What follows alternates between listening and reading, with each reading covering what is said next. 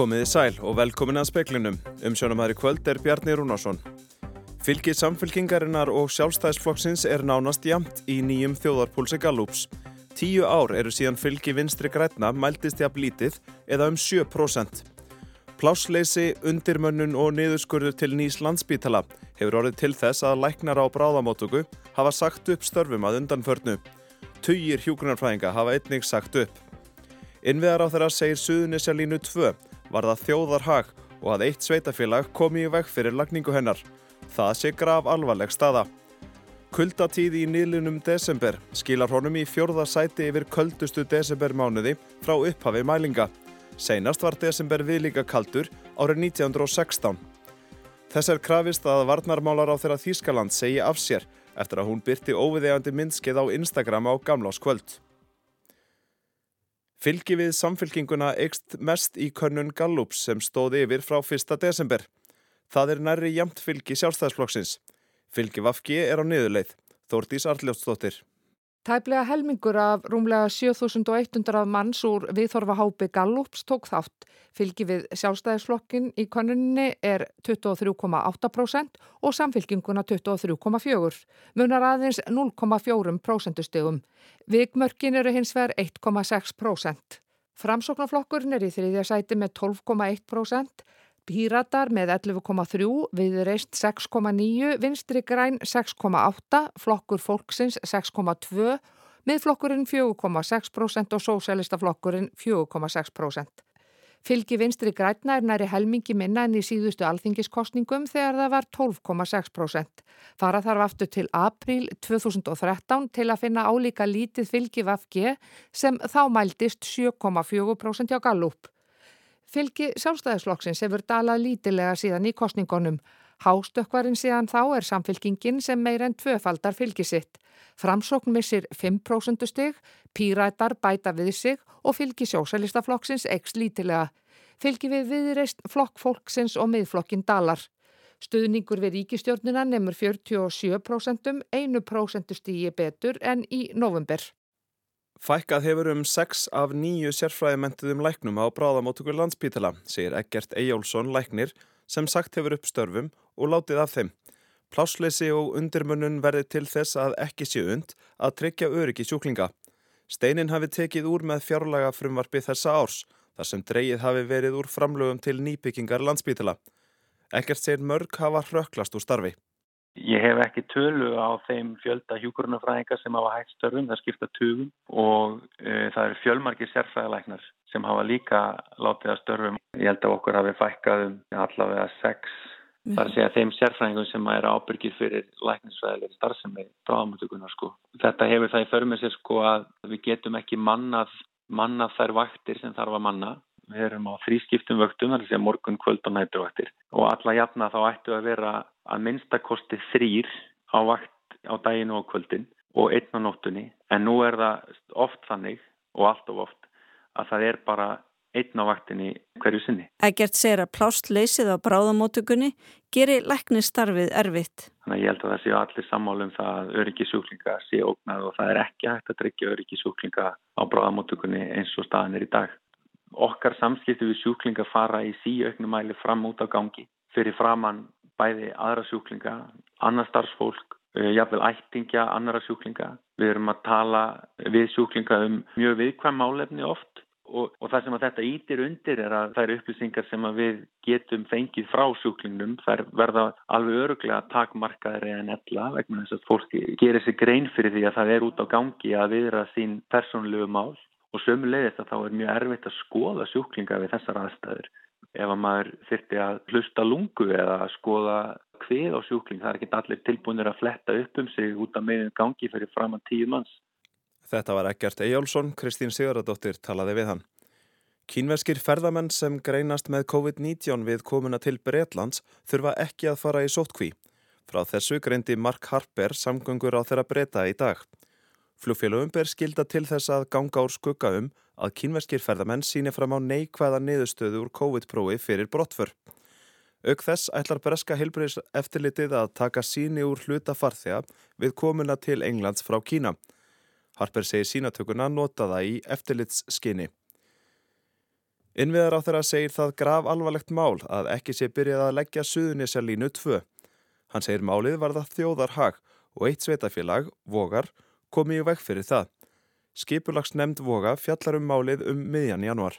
Þetta er auðvitað graf alvarlegt mál. Það er þjóðarhagur að þessi lína verði lögð og það er búið að býða eftir henni mjög lengi og hún hefur auðvitað hamlað ákveðnum vexti eða fyrst og fremst kannski öryggi á Suðunisjum. Um, þannig að það er mikilvægt að það takist að leggja hana og það er áskorunni sem við stöndum fram með fyrir þá í dag er að hvort að þau kerfi sem við erum með séu nægilega góð til að taka ákvarðanir er varðar þjóðarhag þegar að í þessu tilviki eitt sveitafélag getur komið vekk fyrir það. En hver heldur þú að sé ástæða þess að vogar eru að tefja málið?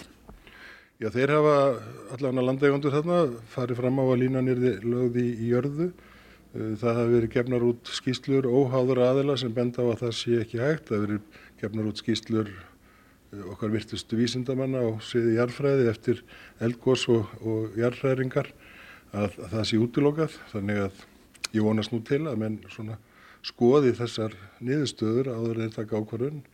Af því eins og ég segi þetta er greiðarlega mikilvægt eh, verkefni fyrir þjóðar hag. Og þinn vilja að þessi lína verður lög sem fyrst? Engi spurning og hefur verið lengi. Saði Sigurður Ingi Jóhansson, Jóhanna Vigdís Hjalladóttir talaði við hann. Nýju voru flutt til aðlýningar í Reykjavík eftir harðan árakstur á Suðlandsvegi við Öldulón austan Fagurhólsmýrar í dag. Það rákust fólksbíl og jeppi saman. Tvær þyrlur landhelgiskeslunar voru sendar á vettfang til að ná í sex hinna slösuðu. Eftirlitsflugvél geslunar var einnig sendt til Hafnar í Hortnaferði til að ná í hinn þrjú. Mikil hálka hefur verið á svæðinu í dag. Suðurlandsvegi var lokað í kjölfarslissins og var lokaður í um tvo klukkutíma á meðan vettfangur slissins var hreinsaður. Farþegarnir voru mis illa slasaðir en allir eru með góð lífsmörk að sögn Odds Árnasonar yfir löglu þjóns á Suðurlandi. Bílarnir eru báðir illa farnir eftir slissið. Og slökkvilið Skaftárhefs var kallað út að Hörgslandi skamt austur af kirkjubæðaklöstri á 5. tímanum í dag. Að sögn Bjarka Vaff Guðnasonar, slökkvelistjóra, kveiknaði í þjónustuhúsi ferðarþjónustunar í Hörgslandi, þar sem fjöldi gistuhúsa er í grendinni. Engin var í þjónustuhúsinu þegar kveiknaði í, en snýri slökkustarf aðalega að því að verja húsin í kring. Nýliðin desembermánuður var sá fjóruði kaldasti í Reykjavík frá upphafi mælinga og sá kaldasti í heila öld. Meðalhitin í desember í Reykjavík var mínus 3,9 stig og hefur desembermánuður ekki verið jæmt kaldur í rúm 100 ár eða frá 1916 þegar var álíka kald. Kristín Björg Ólafstóttir, sérfræðingur í veðurfarsrannsóknum á Veðurstofu Íslands, segir að nýliðin desember hafi verið fjörði kaldasti desembermánuður í Reykjavík frá upphafi mælinga. Það bara aðstæðarnar voru svo leiðis núna og þetta sýnir okkur svolítið að við getum ennþá fengið óveinu kalda mánuði þrátt fyrir að veðurfar hefur farið línandi. Hún segir síðustu þrjá daga ársins hafa gert útslæðið. Það var sem sagt kaldasti dagurinn í Reykjavík í desember, var 30. desember og þá var meðalhiti sólarhengsins mínus 11,3 stig og þá fór ymitt hitin lægst í mínus 15,2 stig. Töluverður munur var á hitast í milli hverfa í Reykjavík. Mestur kuldi mæltist í Víðidal þar sem frost fór niður í 25,3 stig. Desember var bara á mörguleiti mjög óvinnilegur. Það var til dæmis óvinni úrkomu lítið. Úrkoma mæltist mjög lítill bara eiginlega um allt land. Sólskilnstundir hafa aldrei verið fleiri í desember í Reykjavík í, hérna, heldur en nú. Þannig að það er svona ímislegt óvinnilegt í þessum mánuði. Saði Kristín Björg Ólafsdóttir, Rebeka Líf Ingadóttir talaði við hana. Útför brasilísku knatsbyrnu góðsagnarinnar Pele var gerð frá heimabæ hans, Santos, í dag. Yfir 230.000 manns komu til að votta minningu hans virðingu sína í Sólarhings líkvöku, þar sem Kista Pele stóð á fókbaltavellinum þar sem hann steg sín fyrstu skref á ferlinum. Meðal þeirra sem komu var nýr fórseti Brasilíu, Lula da Silva, sem flutti aðstandendum nokkur hugunar orð. Að lokinni vökunni var kistan sett á slökkurið spíl og flutt á greftrunnar staðin. Fjöldi fólks gekk á eftir kistunni þá leið. Fjölmiðlinn N4 starfar út í janúar að sögn Marju Bjarkar Yngvadóttur framkvæmdastjóra. Hún segir fjölmiðlinn enn í miklum fjárraksvandræðum en þau hafi átt fjármang til þess að starfa út mánuðin. Framkvæmdastjóri N4 greindi frá því fyrir áramót að starfseminn legðist af á nýju ári fengið þau ekki viðbótar fjárveitingar frá ríkinu. Hún gaf ekki kost á viðtali í dag en sagði í stuttu samtari við fréttastofu að þau leiti leiða til þess að halda rekstrinum áfram. Að öðru leiti vildi hún ekki tjá sig um stöðumála. Um miðjan desember var greint frá því að fjárlaga nefnd hefði samþygt að N4 yrði útlutað 100 miljónum króna fyrir að framleiða eigin efni fyrir sjónvarp á landsbyðinni. Eftir að beðinni kom frá framkvæmda stjóra um viðbótar fjármagn til þess að halda rekstrinum gangandi. Fjárlaga nefndi dró í land síðar sama daginn en fjárveitingin var umdelt meðal þingmanna og forsvarsmanna annara sjálfstætt starfandi fjölmiðla. Ólaf Rún Erlendstóttir saði frá.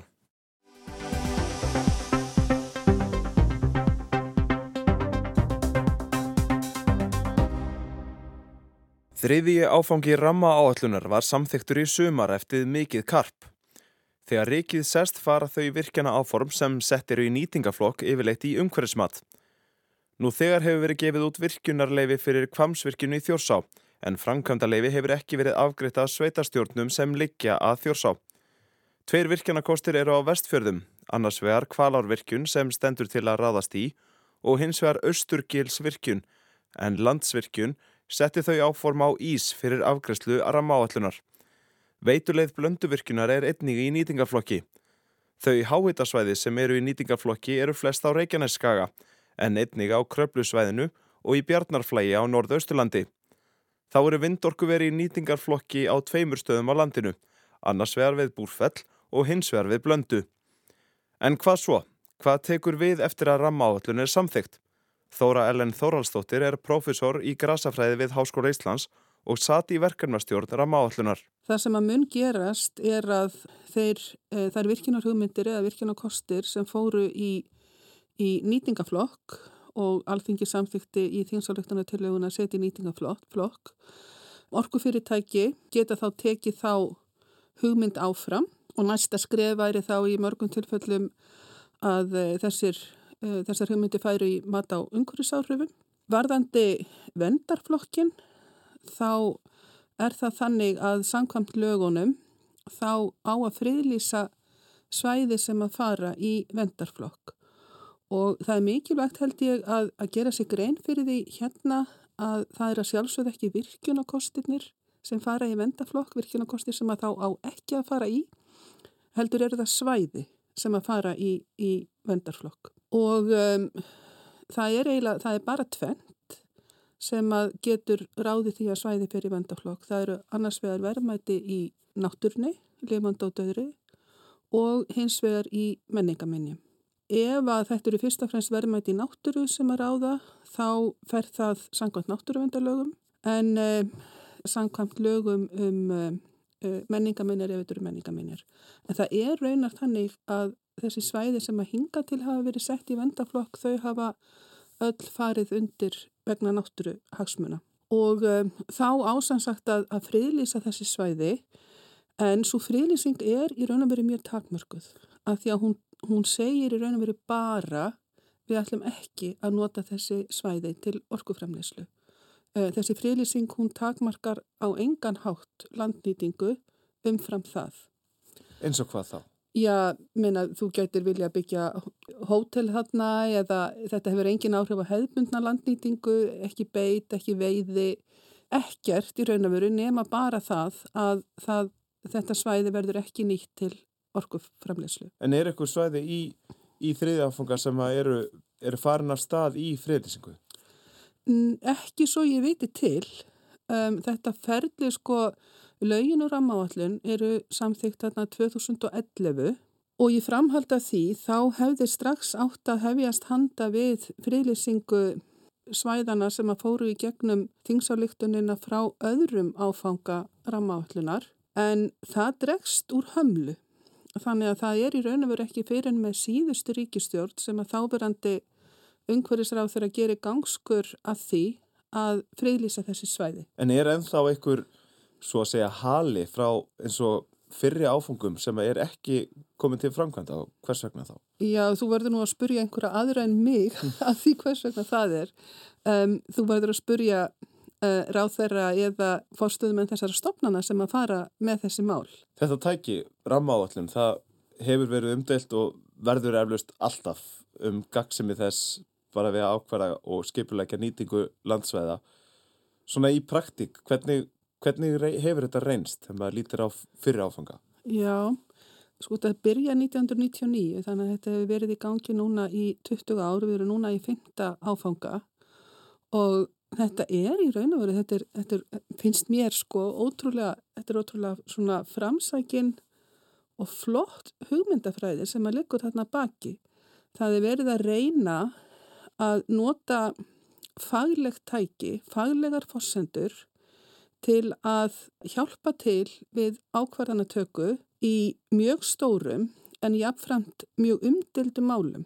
Þessar virkjuna framkvæmdir, þetta eru stærstu framkvæmdir sem að Íslenska ríkið fer í, gríðarlega mikil umhverfisáhrif í mörgum tilfellum, oftast oft óafturkræfar afleðingar og þarna er sem sagt verið að reyna að sjá fyrirfram áður en búið er að eigða miklum peningum í undirbúning hvaða virkjanir eru líklegastar til að verða mjög umdeldar, hverjir eru líklegastar til að kalla á mestan fórnakostnað í, í umhverfi og afleðingum og það er lagt mikið upp úr því að, að nota sem bestar vísindilegar fórsendur fyrir matinu, að matið sé rekjanlegt, að það fylgir raukstuðningur þannig að þó að fólk sé ekki sátt við niðurstöðuna þá getur það minnst að kosti séð hvernig hún er fengin og skilið það eða setur sér inn í aðferðafræðina og matið. Ég held að þetta hafi, að þetta hafi verið flott ákverðun á sínu tíma að taka að fara í rammaáallun. Hún hefur auðvitað verið mikið gaggrínd og það var kannski alltaf við því að búast að niðurstöðunar eruðu umdeldar og kannski aldrei neitt sem er fullkomlega sáttur við útkomuna. Gaggrínin sem að hefur komið fram, hún er að sumuleiti mjög ósangjöld vegna þess að því hefur verið haldið fram meðal annars af ymsum á þingi að þetta sé svo svifaseint tæki og sé svo erfitt í framkvæmt að það þurfi að helsta slöfin eða minnstakosti að, að breytinni mikið. Meðan að sannleikurinn er sá að verkefnistjórn og faghóparnir hafa alltaf skilaður réttum tíma. Verkefnistjórnirnar í þessum fjórum áfengum sem að lokið er hafa alltaf klára verkefnið, skilaður réttum tíma en það er hins vegar afgriðsan á alþingi sem að hefur ekki gengið eftir eins og hún átt að gera. En er það ekki einmitt málið að þrátt fyrir að þetta eigi að heita faglegt tækja þá er það alltaf þegar öllur að botnin kvöld stjórnmólinn sem að halda um stjórnartaumana? Jú, jú og það er alveg rétt og það er alltaf gert ráð fyrir því í lögunum um rammaáallin líka að bæði að, að þegar að ráð þeirra er komin með tillögur verkefnustjórnar í hendur þá getur bæði hérna, umhverjusauðlindar á þeirra getur gert tillögur um breytingar og síðan fer þetta til meðferðar í þinginu og þar er hægt að gera frekari breytingar líka þannig að stjórnmálamenninni því alþingi hefur vissulega þarna algjörlega síðasta, síðasta orðið. En mér finnst reyndar ég má bæta við að þar finnst mér líka að stjórnmálamennir hafi að hluta til svolítið svona skorast undan því að taka pólitíska ábyrð þegar þeir áttatakana og þar vil ég taka sem dæmi þessar tvær virkjanir í þjósá í byggð sem að uh, eru mjög umdeldar. Um, það er um, holdavirkjun og urriðafossvirkjun sem eru svona, já, flestar af þessum vassalsvirkjunum eru að minnstakosti með miðlunarlónið upp á hálendis fyrir ofan hálendisbrúnina en þessar eru, eru alveg í byggð. Og þetta eru kortvækja virkjanir sem eru búinar að fara tvísvarsinnum í mat í rammáallin og matið í rammáallin er svona fjöldþægt mat, það er tekið tillit til fjöldamargra þáttar í jarðminjum, vatnafari, lífriki, landslægi, výðernum, menningaminjum og rammáallin byggist alltaf á röðun og þessar virkjanir þær lenda ekki ofalega í þessari röð sem þær eru svona, það eru aðrar virkjanir sem að hafa, sem að hafa verið metnar í, í sama pottinum sem að hafa miklu, miklu meiri umhverjusáhrif og þarna stendur þetta eiginlega upp úr að þetta eru, um, þetta er annars vegar áhrif á lagsin í þjósá og hins vegar eru þetta afleðingarna fyrir fólki sem að býr þarna, sem að mun náttúrulega horfa á gjörbreytt landslag og, gjör, þess, þess nær umhverfi verður breytt mjög mikið. Aðferðafræði rammavallunar, hún er fyrst og fremst miðið við svona fjöldþætt mat þar sem að verið er að greina verðmætustu svæðin og virkjanirna sem að hafa í heildina mest umhverfisáhrif. Um, ég held að þessar virkjanir í þjós og tvær, uh, nú er búið að vísa þeim í þriðjaskipti í mat hjá uh, verkefnistjórninni og faghópunum. Ég held að það mun ekki breytast og ég held að hérna hafi þetta í raun að veri verið komið að því að það hefði átt að taka pólitiska ákverðin á að samþekja þessar virkjanir eða ekki. Þegar ramma áallun var til meðferðar hjá umhverfis og samgöngunemnd alþingis í sumar var gerð breyting á flokkun verkefnistjórnar. Meiri hlutin laði til að kjálöldu veita og virkunarkostirnir fjórir í hérasvötnum, skatastaðavirkun C, skatastaðavirkun D, villinganesvirkun og blanda vestari jökulsá erðu farðar úr vendarflokki yfir í byggflokk. Við umfjöldu nefndarinnar hafi verið benta á þörf á endurmati verkefnistjórnar á þessum kostum og því landsvæði sem því tilhera. Þau sjónamöð hafa komið fram fyrir nefndinni að mikil neikvæð áhrif fyrirhugara virkjana í hérasvötnum í skagafyrði á vistgerðir með verulega hátt verndagildi og þá sérstaklega flæðiengjar kunni að vera ofmetið. Máli var umdeilt meðal annars innan raða vinstri græna þar sem Bjarni Jónsson, þingmaður vinstri græna, greitti atkvæði gegn rammaáalluninni, eitt stjórnarlega. Hann stutti tilögu minnuhlutans um að hérasvötn og kjálölduveita yrðu áfram í vendarflokki en svo til að var feld af stjórnameiri hlutanum. Við skulum rifja upp frettir frá því sumar þegar rammaáallun var samþygt en það var í fyrsta sinn í nýju ár sem samkumulag náðist um rammaáallun. Það vantaði pólitíska hugrekkið til þess að ná þessari mikilvægu sátt um þessa rammaáallun sem er svo dýrmætt og mikilvægt skref. Sáttinn var bara mellir stjórnaflokkana til þess eins að, að halda lífinu í ríkistjórnunni. Ég held að ríkistjórn Vinstri græna, Sjálfstæðisflokks og Framsvonarflokks hefði verið stopnu til þess að endurspegla breyttina í samfélaginu. Í dag kemur ljós að það er ekki erindi þessara ríkistjórnar. Hún endurspeglar sinn innri bergmálshelli. Félags- og vinnumarkaðsráþara sem jafnframti varaformaði Vinstri græna og fyrrverandi umhverfisráþara lagði áherslu á að verið væri að stækka byggflokk, fresta ákvörðun til að skoða betur. Og ég verð hér að lokum að hafna því að hér sé verið að drekja þjórsárverum, því líkur pólutískur útursnúningur af henni vestu gerð, líðskrum sem að ég á erfitt með að þurfa að sitja undir hér. Hér er byðleikur í náttúruvend. Ég fagna því og það er stórt skrið sem við erum að stíga núna með að komast á aðstæðri niðurstöðu, við erum að sinna hlutverki okkar, við erum að, að tryggja hér samþýtt rammaállunar sem er stórt skrif áfram nýju segi til hamingi Ísland. Rammaáallun var samþygt og til að minnilhutan sem að halda héradsvötnum og kjælölduvirkun áfram í vernd var feld. Bjarni Jónsson, þingmaður vinstri græna, greiti atkvæði með tilögu minnilhutans og gegn rammanum einn stjórnarliða. Og þarna rifjum við upp gamla frétt frá því sumar og heyrðum í þingmannum í Þingsal, þeim Þorgjari Katrinu Gunnarsdóttur, Otni Haraldóttur, Guðmundi Inga Guðbrandsinni og Vilhjálmi Árnarsinni. Áður var rætt við Þóru Ellen Þóraldsdóttur.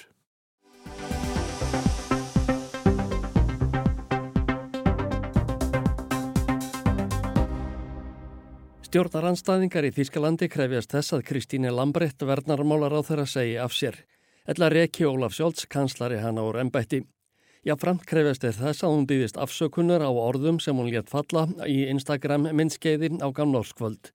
Rindar greinist varla hvað hún segir fyrir látónum í sprengjuglöðum Berlínarbúum sem fengu sitt fyrsta tækifæri síðan um áramótin 2019 til að láta til sín taka.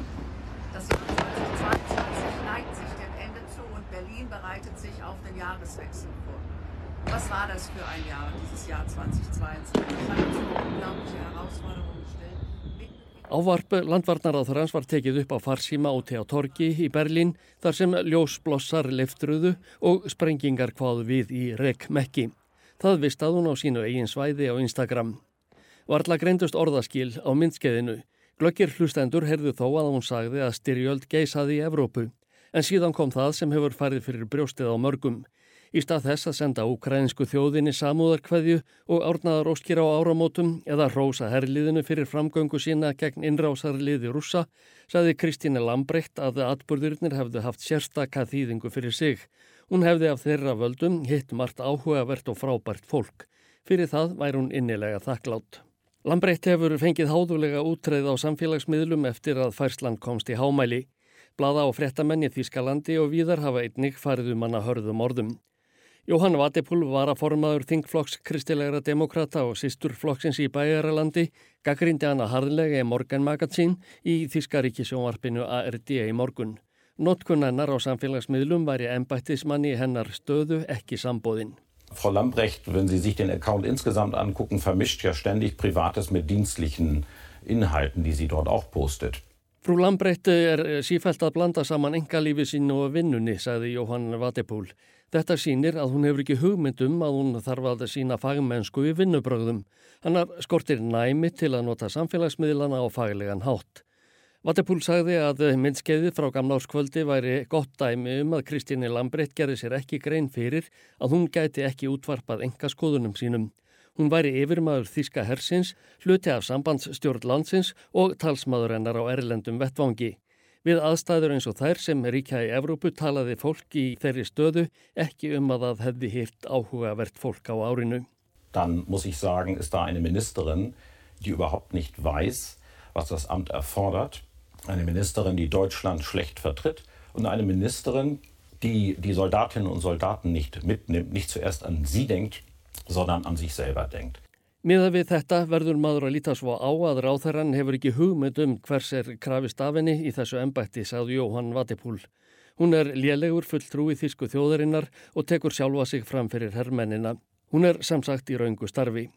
Þetta er ekki fyrsta sinn sem gefur á bátinn hjá Kristíni Lambrecht frá því að hún tók við embætti varnarmálar á þeirra þegar þryggja flokkastjórnin var mynduð í Þískalandi fyrir rúmu ári.